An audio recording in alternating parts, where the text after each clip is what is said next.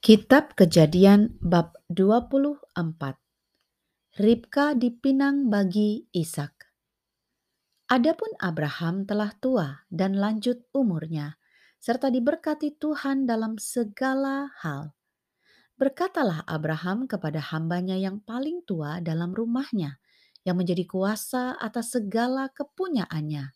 Katanya, Baiklah letakkan tanganmu di bawah pangkal pahaku, supaya aku mengambil sumpahmu demi Tuhan, Allah yang empunya langit dan yang empunya bumi, bahwa engkau tidak akan mengambil untuk anakku seorang istri dari antara perempuan Kanaan yang di antaranya aku diam. Tetapi engkau harus pergi ke negeriku dan kepada sanak saudaraku untuk mengambil seorang istri bagi Ishak anakku. Lalu berkatalah hambanya itu kepadanya, Mungkin perempuan itu tidak suka mengikuti aku ke negeri ini. Haruskah aku membawa anakmu itu kembali ke negeri dari mana tuanku keluar? Tetapi Abraham berkata kepadanya, Awas, jangan kau bawa anakku itu kembali ke sana Tuhan Allah yang empunya langit yang telah memanggil aku dari rumah ayahku serta dari negeri sanak saudaraku dan yang telah berfirman kepadaku serta yang bersumpah kepadaku demikian kepada keturunanmu lah akan kuberikan negeri ini.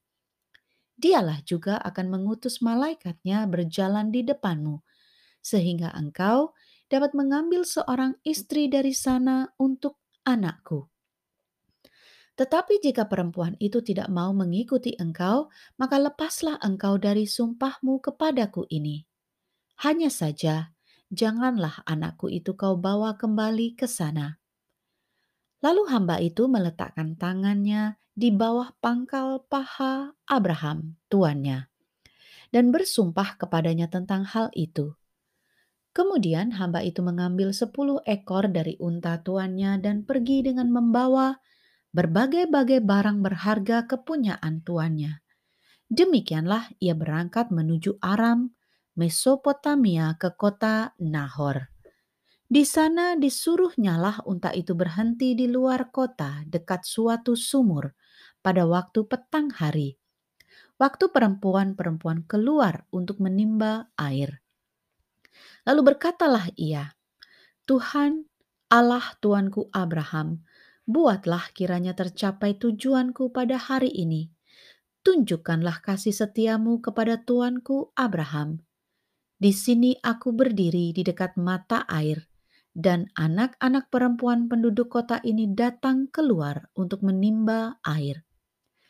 Kiranya terjadilah begini, anak gadis, kepada siapa aku berkata, tolong miringkan buyungmu itu supaya aku minum, dan yang menjawab, minumlah, dan unta-untamu juga akan kuberi minum.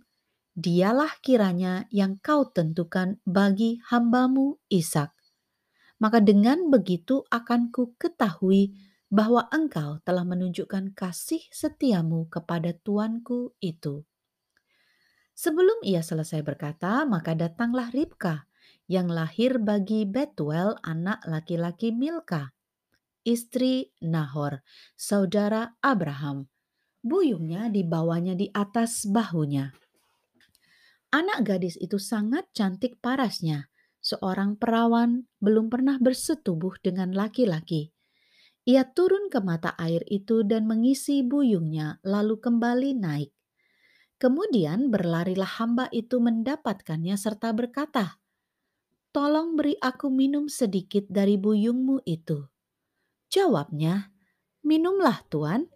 Maka segeralah diturunkannya buyungnya itu ke tangannya, serta diberinya dia minum.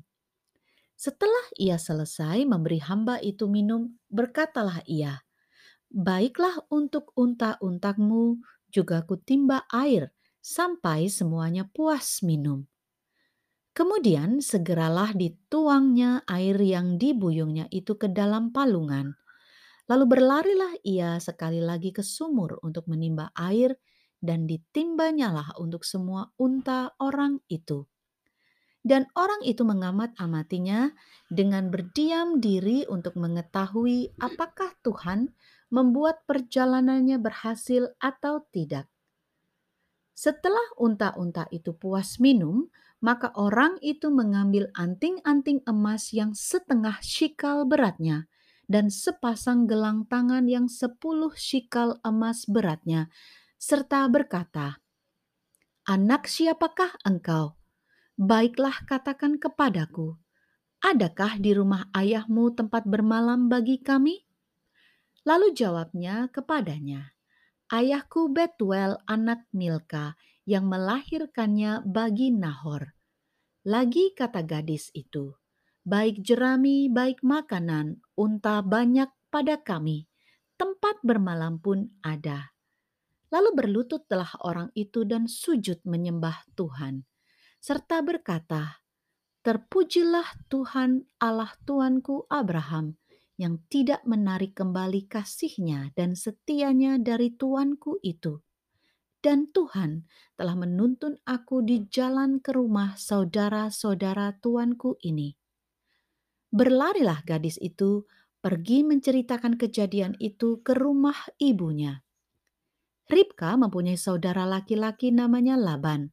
Laban berlari keluar mendapatkan orang itu ke mata air tadi Sesudah dilihatnya anting-anting itu dan gelang pada tangan saudaranya, dan sesudah didengarnya perkataan Ribka saudaranya yang bunyinya, begitulah dikatakan orang itu kepadaku. Ia mendapatkan orang itu yang masih berdiri di samping unta-untanya di dekat mata air itu, dan berkata, Marilah engkau yang diberkati Tuhan, mengapa engkau berdiri di luar? Padahal telah kusediakan rumah bagimu dan juga tempat untuk unta-untamu. Masuklah orang itu ke dalam rumah, ditanggalkanlah pelana unta-unta, diberikan jerami dan makanan kepada unta-unta itu. Lalu dibawa air pembasuh kaki untuk orang itu dan orang-orang yang bersama-sama dengan dia tetapi ketika dihidangkan makanan di depannya, berkatalah orang itu, Aku tidak akan makan sebelum kusampaikan pesan yang kubawa ini. Jawab Laban, silakan. Lalu berkatalah ia, Aku ini hamba Abraham. Tuhan sangat memberkati tuanku itu, sehingga ia telah menjadi kaya Tuhan telah memberikan kepadanya kambing domba dan lembu sapi, emas dan perak, budak laki-laki dan perempuan, unta dan keledai. Dan Sarah istri tuanku itu sesudah tua telah melahirkan anak laki-laki bagi tuanku itu. Kepada anaknya itu telah diberikan tuanku segala harta miliknya. Tuanku itu telah mengambil sumpahku engkau tidak akan mengambil untuk anakku seorang istri dari antara perempuan Kanaan yang negerinya kudiami ini. Tetapi engkau harus pergi ke rumah ayahku dan kepada kaumku untuk mengambil seorang istri bagi anakku. Jawabku kepada tuanku itu, mungkin perempuan itu tidak mau mengikut aku. Tetapi katanya kepadaku, Tuhan, yang di hadapannya aku hidup akan mengutus malaikatnya menyertai engkau dan akan membuat perjalananmu berhasil sehingga engkau akan mengambil bagi anakku seorang istri dari kaumku dari rumah ayahku. Barulah engkau lepas dari sumpahmu kepadaku. Jika engkau sampai kepada kaumku dan mereka tidak memberikan perempuan itu kepadamu, hanya dalam hal itulah engkau lepas dari sumpahmu kepadaku.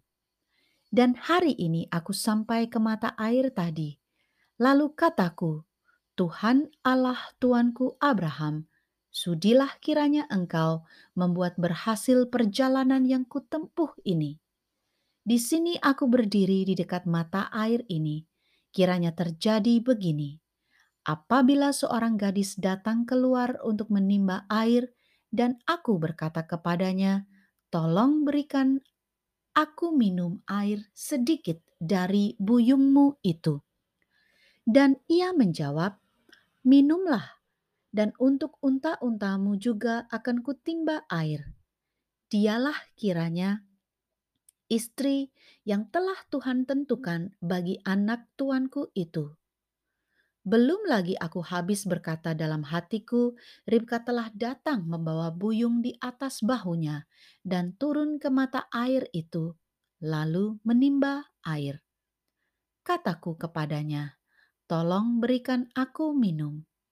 Segeralah ia menurunkan buyung itu dari atas bahunya serta berkata, "Minumlah, dan unta-untamu juga akan kuberi minum."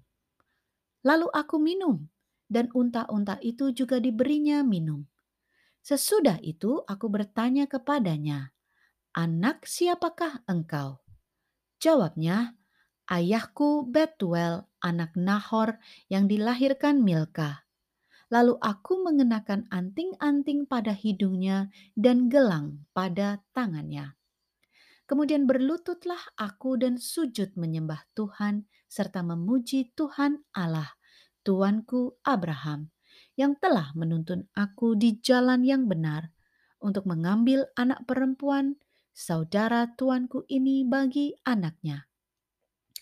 Jadi sekarang, apabila kamu mau menunjukkan kasih dan setia kepada tuanku itu, beritahukanlah kepadaku. Dan jika tidak, beritahukanlah juga kepadaku, supaya aku tahu entah berpaling ke kanan atau ke kiri. Lalu Laban dan Betuel menjawab, "Semuanya ini datang dari Tuhan. Kami tidak dapat mengatakan kepadamu baiknya atau buruknya. Lihat, Ribka ada di depanmu. Bawalah dia dan pergilah, supaya ia menjadi istri anak tuanmu, seperti yang difirmankan Tuhan." Ketika hamba Abraham itu mendengar perkataan mereka, sujudlah ia sampai ke tanah menyembah Tuhan. Kemudian hamba itu mengeluarkan perhiasan emas dan perak serta pakaian kebesaran dan memberikan semua itu kepada Ribka, juga kepada saudaranya, dan kepada ibunya diberikannya pemberian yang indah-indah. Sesudah itu makanan dan minumlah mereka. Ia dan orang-orang yang bersama-sama dengan dia dan mereka bermalam di situ. Paginya sesudah mereka bangun, berkatalah hamba itu, "Lepaslah aku pulang kepada tuanku." Tetapi saudara Ribka berkata, serta ibunya juga, "Biarkanlah anak gadis itu tinggal pada kami barang sepuluh hari lagi, kemudian bolehlah engkau pergi." Tetapi jawabnya kepada mereka, "Janganlah tahan aku, sedang Tuhan telah membuat perjalananku berhasil. Lepaslah aku, supaya aku pulang kepada tuanku. Kata mereka, "Baiklah, kita panggil anak gadis itu dan menanyakan kepadanya sendiri." Lalu mereka memanggil Ribka dan berkata kepadanya, "Maukah engkau pergi beserta orang ini?" Jawabnya, "Mau." Maka Ribka, saudara mereka itu dan inang pengasuhnya beserta hamba Abraham dan orang-orangnya dibiarkan mereka pergi. Dan mereka memberkati Ribka. Kata mereka kepadanya, Saudara kami, moga-moga engkau menjadi beribu-ribu laksa, dan moga-moga keturunanmu menduduki kota-kota musuhnya Lalu berkemaslah Ribka beserta hamba-hambanya perempuan dan mereka naik unta mengikuti orang itu. Demikianlah hamba itu membawa Ribka lalu berjalan pulang. Adapun Ishak telah datang dari arah sumur Lahai Roy. Ia tinggal di tanah Negeb. Menjelang senja sedang keluar untuk berjalan-jalan di padang, ia melayangkan pandangnya. Maka dilihatnyalah ada unta-unta datang Ribka juga melayangkan pandangnya, dan ketika dilihatnya Ishak, turunlah ia dari untanya. Katanya kepada hamba itu, Siapakah laki-laki itu yang berjalan di padang ke arah kita? Jawab hamba itu, Dialah tuanku itu. Lalu Ribka mengambil telekungnya dan bertelekunglah ia. Kemudian hamba itu menceritakan kepada Ishak segala yang dilakukannya. Lalu Ishak membawa Ribka ke dalam kemah Sarah ibunya dan mengambil dia menjadi istrinya.